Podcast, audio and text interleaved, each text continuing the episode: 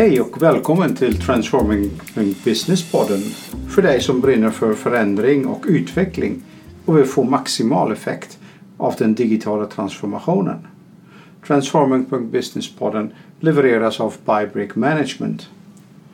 Mitt namn är Ronald von Veen och jag står här idag igen med min eh, kollega i branschen Hans Kalldal. Mm.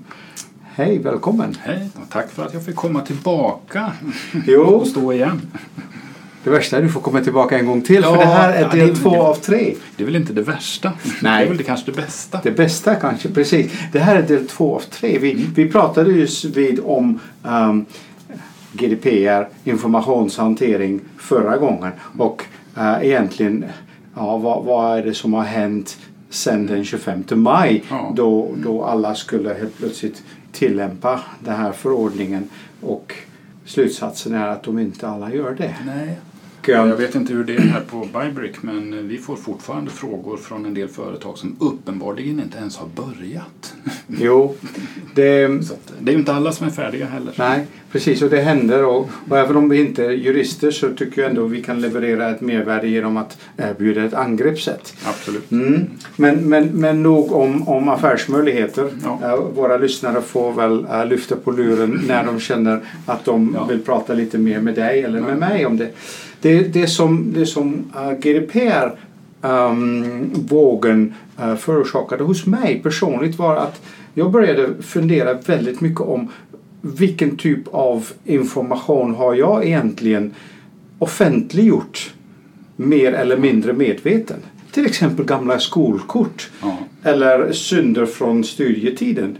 Ja, jag har ju en egen liten anekdot. Ja. En, eh, gick på Chalmers för, det är ju snart 40 år sedan, man börjar känna sig gammal då. Och figurerar på en festbild som kanske då inte skulle se så smickrande. Nej. Men nu är det ju då i en tryckt A5-tidskrift, offset-rastrerad som det hette då. Ja, det är ja, väldigt precis. svår att känna igen. Och ja. Jag ser, jag har en bild i min telefon på min dotter som står i, hon går på Chalmers nu och står i baren och eh, det är hög kvalitet. Hon är lätt igenkännbar och den kommer precis. att sparas i molnet hur länge som helst om någon vill. Då.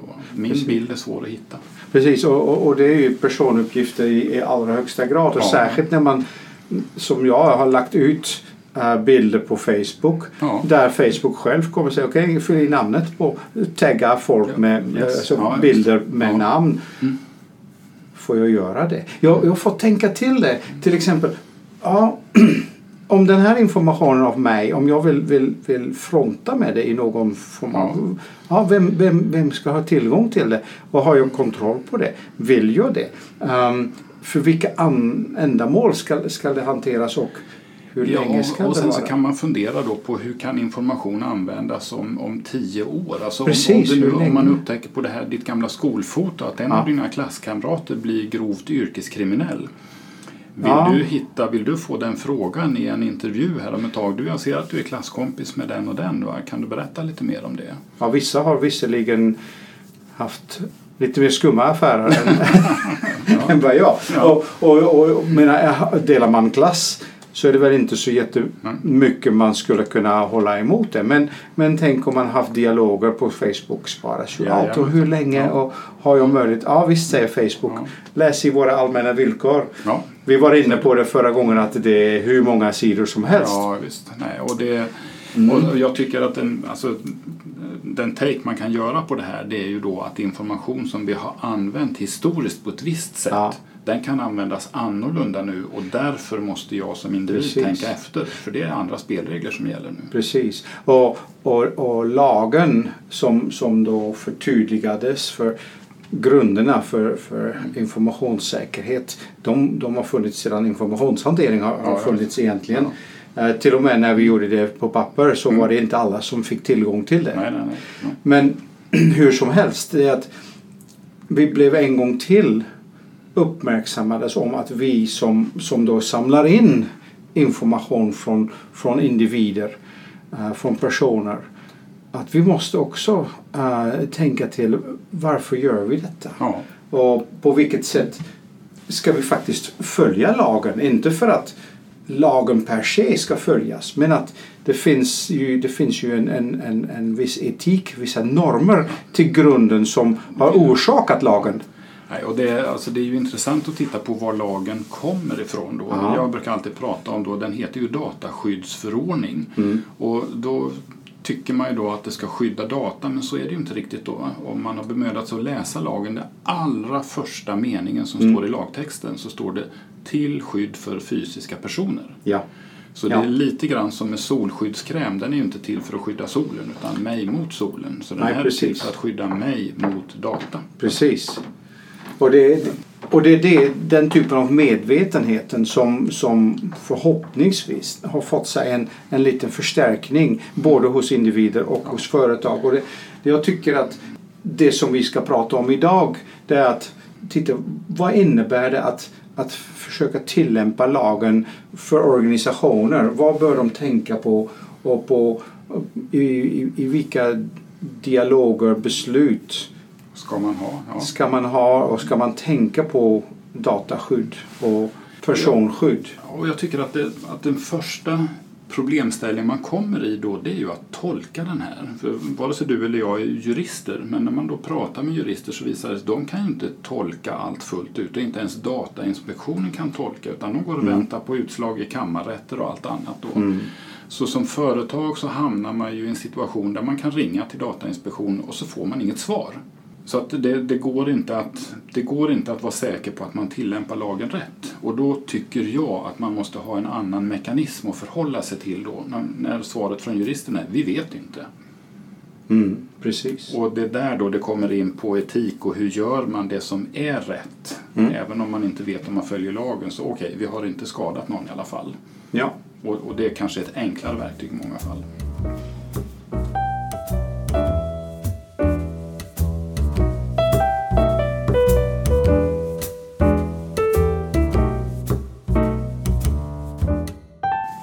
Hans, du var inne på att, att, man, att tolkning av lagtexten att den är svår och att eh, Datainspektionen inte har svar. Två jurister kan ha olika svar. Absolut. Det krävs ibland en domstol. Och den tredje har inget svar. och det krävs ibland en domstol. Ja. Och en, en, en, stor del, och det sa vi även, även innan, innan den 25 maj, en stor del kommer att förtydligas när det kommer vara rättsfall där man säger okej okay, så här ska du tolka det, ja. så här mm. tycker vi. Och det roliga är, det grundar sig då i, i, i vissa etiska principer, ja. eller hur?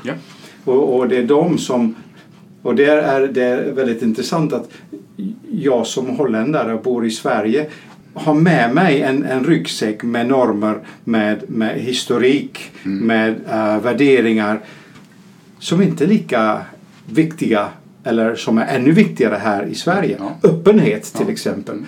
Bara en, en liten, ett litet sidospår. Att mina, äh, min, min äh, skattedeklaration är en offentlig uppgift och därmed kan läsas av vem som helst. Ja.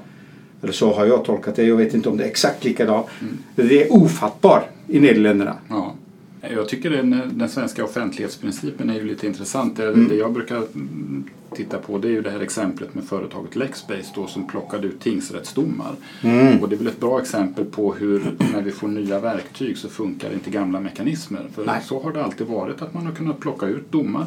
Ja. Men det var ju ingen som tänkte sig då att ett företag skulle plocka ut allihopa och så geotagga det hela så att man snabbt kan se då vem i grannskapet har förekommit i tingsrätten. Precis. Och eh, ja, ett bra exempel då på när gamla mekanismer måste vi ifrågasätta när vi får nya verktyg, nya digitala verktyg. Ja precis och de nya digitala verktyg de utvecklas typ varje sekund. Typ. Och de dyker upp ibland ja. negativt, ibland väldigt positivt. Ja, men, ja. men man, vi hänger inte med. Nej. Och helt plötsligt så, så står vi där med, med en situation som, är, som alla säger, det där går inte, det är oacceptabelt. Jag, brukar, jag har en bild jag brukar visa, det kan man inte göra en podcast, men om man tittar då på teknikutvecklingen som, som vi har genomgått, som, om vi tittar tillbaks på hela människans historia, så började mm. det någonstans med en pilbåge och det började med plogar. Ja. Och sen fick vi ångmaskiner och telefoner på 1800-talet och sen fick vi datorer i mitten på 1900-talet. Och den där kurvan den pekar precis rätt upp nu. Ja. Det går så otroligt fort. Sen har vi de andra, våra sociala mekanismer som vi har utvecklat under årtusenden. Mänskliga normer, religion, lagar och så vidare. Det går inte alls lika fort. Nej. Så det här glappet det ökar. Och det måste vi ha något sätt att hantera nu för lagar kommer inte att hinna med. Nej, även om de är uh, en viktig uh, instrument Absolut, i det. Ja. Men, men jag, jag, tycker ändå att en, en annan viktig aspekt är den personliga medvetenheten och organisationens medvetenheten ja. om vilken, vilken problematik vi egentligen berör. Ja. Uh, informationshantering och vi nämnde det i förra podden att du får låna informa information, uppgifter från individer. Uh, det finns ingen självklarhet att du bara kan plocka. Det borde inte vara det. Jag tror att det finns företag som ser det så att nu, nu har vi fått de här personuppgifterna, nu är det våra. Och det kan ju leda till lite problem, det synsättet. Jo, precis. Och det börjar redan ett steg innan där man, där man egentligen ställer sig, bara för att det är möjligt, ska vi göra det då? Ja, och lagen är ju väldigt tydlig där. Mm, precis. Precis. Och, du får inte göra det bara för att det råkar gå utan du måste ha tydliga ändamål och syften och så vidare. Måste ha tydliga ändamål och dessutom det är, det är förbjudet om det är känsliga uppgifter. Då gäller speciella regler, ja. Ja, ja. precis. Mm. Så att det är det som egentligen vi, vi, vi är inne på när det gäller att okej, okay, nu, nu, nu sitter vi med lagen i knät mm. eller bredvid oss på skrivbordet. Vi, vi måste ju hitta ett förhållningssätt till det mm. och, och det brukar jag uh, lägga i under rubriken etik. Mm. Och etiska principer som, som är viktiga att, att, att känna igen. Och det, det finns massor med, med information uh, om det. Men det, det, finns ett danskt företag, uh, ja, för, organisation, en organisation här som, som, som, har um, uh, utvecklat fem stycken principer. De heter dataethics.eu och det är en dansk think do-tank kallar ja, de sig. precis så var det. Och jag gillar, de har en konferens eh, varje år, jag har varit på båda de har haft mm. och det är väldigt spännande att, att diskutera just då. Man diskuterar ju till exempel då etiken runt AI. Ja. Vad är det som är rimligt? Där kom, det finns ju jättemycket spännande frågor där. Internet of things. Internet of things, hela ja. den där då. Men de har ganska nyligen gett ut en skrift då med eh, principer för, för dataetik och så föreslår de fem principer så att de kan, tycker jag vi kan titta ja, på precis. och den, den, den, den, första på svenska skulle då, de skriver inte på svenska men på engelska och ja. danska. Men den första skulle vara människor i centrum. Och det är ju precis tanken som vi har nämnt här då. Alltså, per, mina personuppgifter, de får du låna. Det är en mm. bit av mitt liv som du får förtroendet att ha och det är så du ska tänka. Mm. Det är en bit av mig och jag har andra liknelser när man tittar på när vi har haft, eh, drivit handel i, genom historien här så har vi ju hela tiden då genom vår historia så har det varit eh, öga mot öga. Vi har ju träffats då. Mm. Och att göra någonting med människor som man har framför sig, det gör vi på ett sätt. Så kan man ju fråga sig när kunderna nu bara är ettor och nollor. Mm. Förhåller vi oss till en människa då eller förhåller vi oss till ettor och nollor? Mm. Och det där man måste komma ihåg, ja det är människan i centrum, det är en bit av en människa jag har här nu bland mina ettor och nollor. Precis. Så det är den första principen ja. då, att, att hela tiden komma ihåg det där då. Ja, precis. Den, den andra principen är individuell datakontroll. Ja, det är att jag som är registrerad, jag är den som ska sitta i förarsätet. Jag ska ha möjlighet att styra vad, vad händer, hur länge behåller du det här? Och återigen, så det är ju en bit av mitt liv så det är jag som ska ha kontroll över vad du gör och förstå. Precis, men om man vänder om det så betyder det att du som organisation som behöver eller som har bestämt dig att du behöver viss, vissa personuppgifter, viss data. Att du måste också utifrån den, den, den principen äh, agera och möjliggöra att individerna får den kontrollen. Yes. Och inte att det ska bli avkrävt men att du ska erbjuda det. Ja, och det kommer vi att komma in på i nästa poddavsnitt när man ja. tittar på inbyggt dataskydd. För där kommer ju bli en del förmågor som du måste bygga upp ja. i organisationen. Ja. Förmågan att tillfredsställa de rättigheter som jag har enligt lagen. Då. Mm. Till exempel förmågan att producera registerutdrag, ta bort mig om, om det krävs och så vidare. Då. Precis. Så att det, det är ju exemplen på mm. individuell mm. påverkansmöjlighet. Precis. Den tredje principen är transparens. Och den är, ju, den är ju otroligt viktig. Vi pratade förra gången lite grann om det här problemet med att eh, läsa integritetspolicys. Och det är ja. något man har gått inser att ja, men det håller ju inte då. Man kan inte förvänta sig att någon läser 10 000 ord och drar någon slutsats av det. Nej. Utan du måste ju hitta andra sätt att vara transparent. Och alltså en, en, stor sak här är ju också när vi nu börjar tala om sådana här saker som deep learning och AI att kunna förklara vad är det faktiskt som händer. Mm. Alltså ett av mina favoritexempel i den här det är ett, ett fall i USA för några år sedan där en eh, man blev dömd till fyra års fängelse. Och så ställde han frågan varför fick jag just fyra år och inte tre eller fem? Mm. Och det kunde inte domaren förklara. För han sa jag har ett datorprogram där jag slår in omständigheter och så föreslår den ett straff. Oj då. Och eh, den här personen han valde att försöka driva det här vidare ja. och då visade det sig att domstolen kunde inte få reda på det. Det var ett företag som hade levererat det här och de betraktade det som en företagshemlighet hur de räknade fram det här. Så det var inte ett dugg transparent då. Och det här, det här kommer att bli ett, ett, ett, bekymmer, en utmaning för de som jobbar med AI. Hur förklarar vi vad som faktiskt händer? För det är inte helt enkelt att förstå alla gånger vad som händer i deep learning-sammanhang och annat. Då. Nej, precis. Och sen när, när dessutom vissa av våra samhällsfunktioner kommer att vara AI-baserade så är det otroligt viktigt att förstå mm. på vilka grunder ja. bygger de ett resonemang. Och då ska man komma ihåg, eftersom vi har pratat om individuella rättigheter, att en rättighet som lagen ger mig mm. det är att jag inte behöver acceptera att bli utsatt för automatiskt beslutsfattande med mm. rättslig påföljd. Då, så då kan jag kräva att en människa ska gå in och den ska vi ju ta vara på som personer. Då kan jag då tycka att det var bra att det inte hände i Europa men i USA. Ja, ja det kan man ju tycka. För även där kan man, kan man känna att mm. Mm, vissa, vissa av de här etiska självklarheter mm. de är annorlunda från land till land. Det de eh, och det här transparensprincipen. Ja. Mm, det, i, även i Nederländerna där, man, där jag tycker ändå att en stor del av etiken är, är, är väldigt liknande den svenska så finns det där en, en lag, en offentlighetsprincip mm. med, med lagar kopplade till det.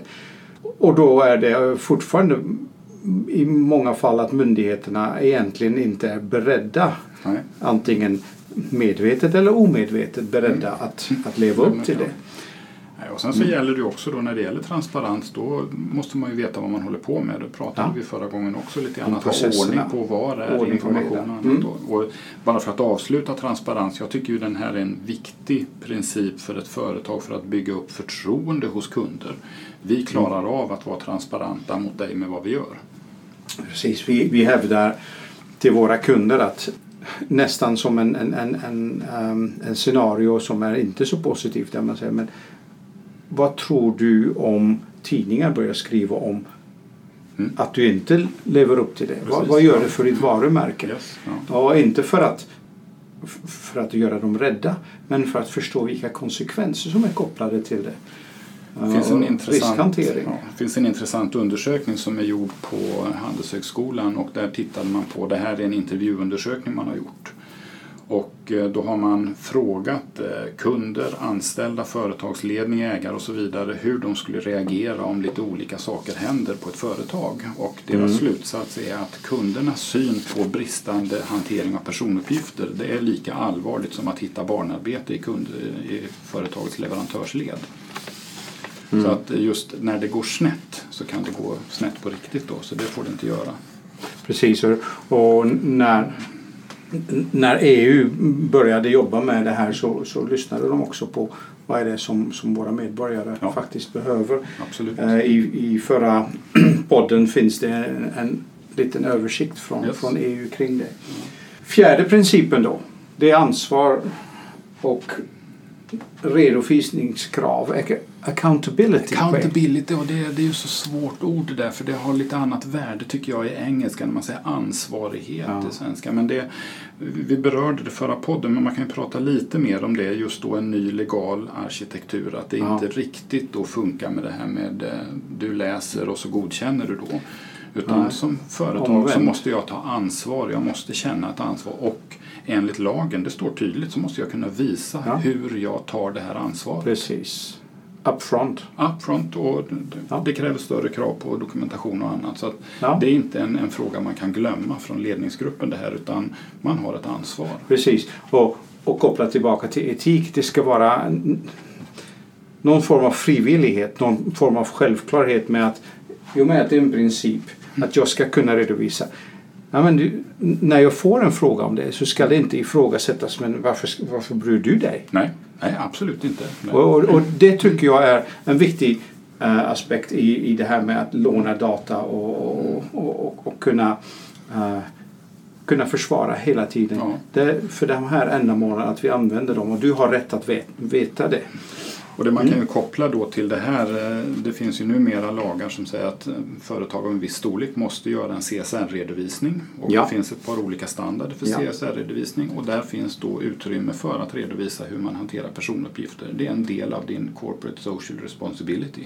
Ja, enkelt. och, och Ja, jag har inte sett att det har kommit med i Global Reporting-initiativet ännu men det, mm. det, är bara en tidsfråga ja, tror jag. det tror jag också. Ja, det är jättebra. Mm. Och då kommer vi till femte principen och det är den av, av, av um, balans eller equality.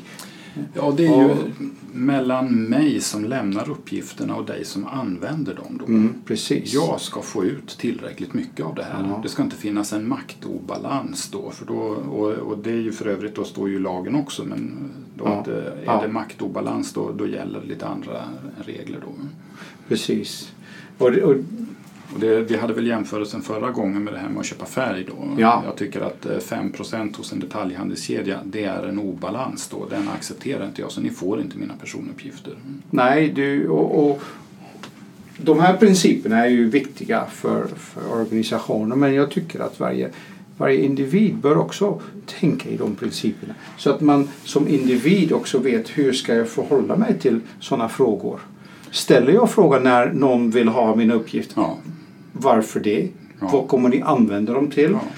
Och helt enkelt vägrar att lämna ut dem ibland. Då. Nej, men jag, är inte ja, jag, jag går numera inte med i kundklubbar för jag tycker det är för dåligt precis. betalt. Då. Eller, eller när jag blev uppringd det, av en, eh, en organisation, Sydafrika dessutom. Mm.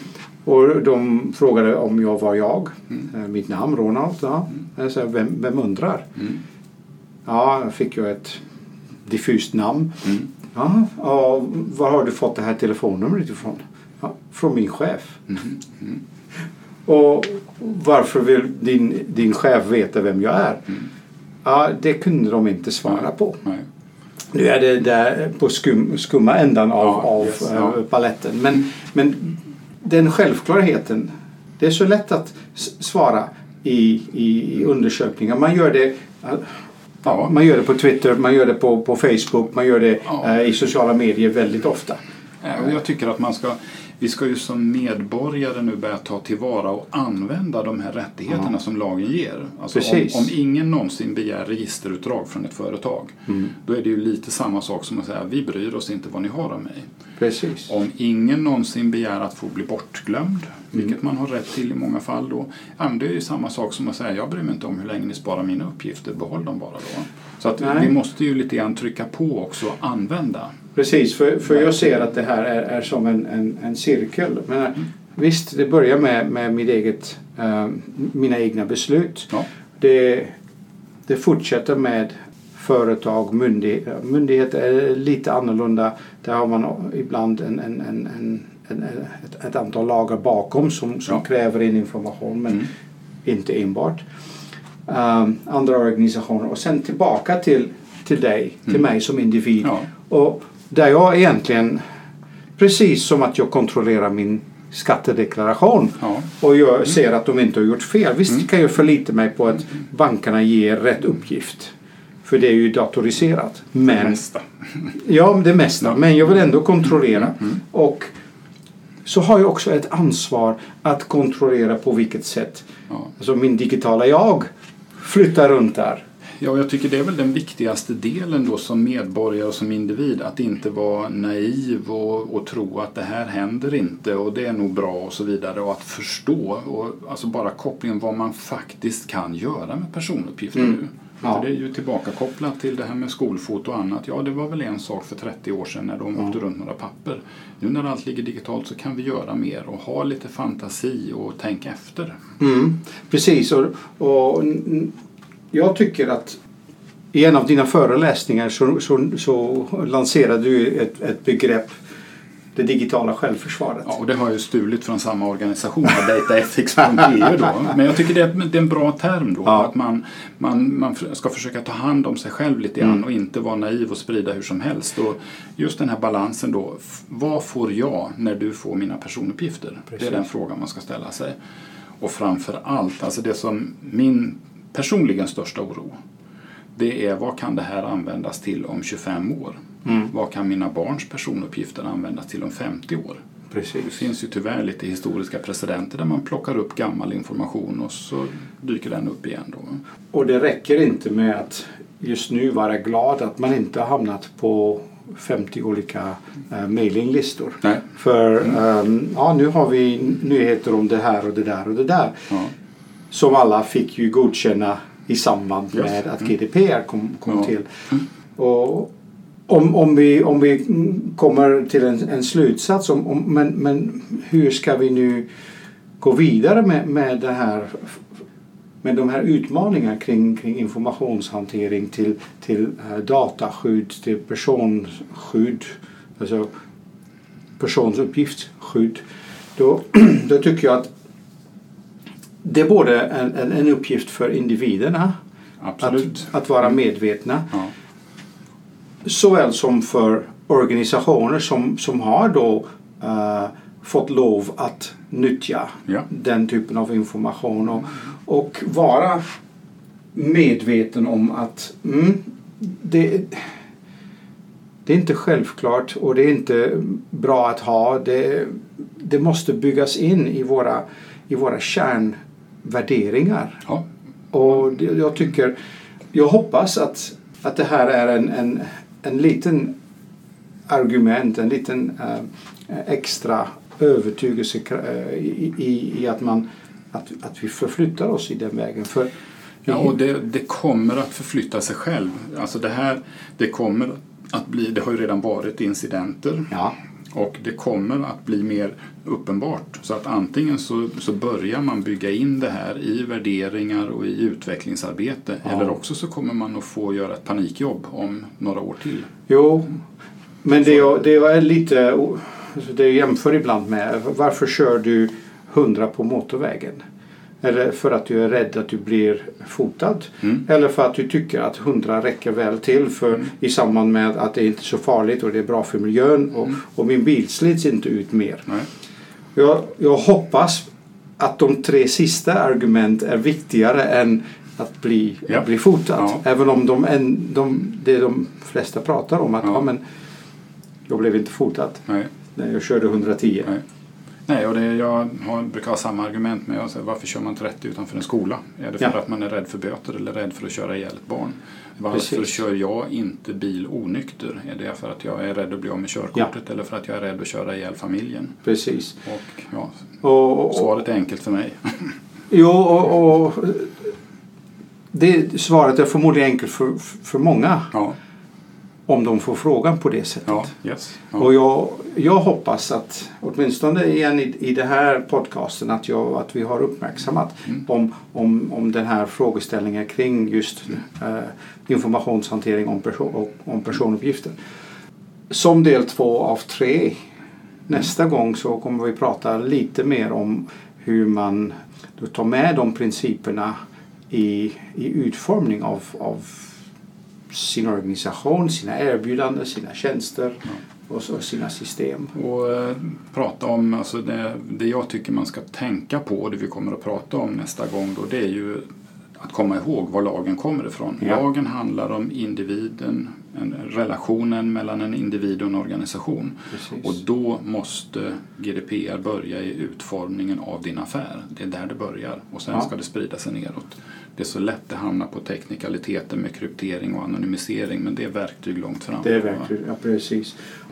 Ja, så um, koppla in till del tre också. Ja Ni är mycket välkomna. Mm. Tack för att ni lyssnade. Tack ja. för att du var här Hans. tack för att jag fick komma igen. Ja. Varsågod. Hej då. Hej då.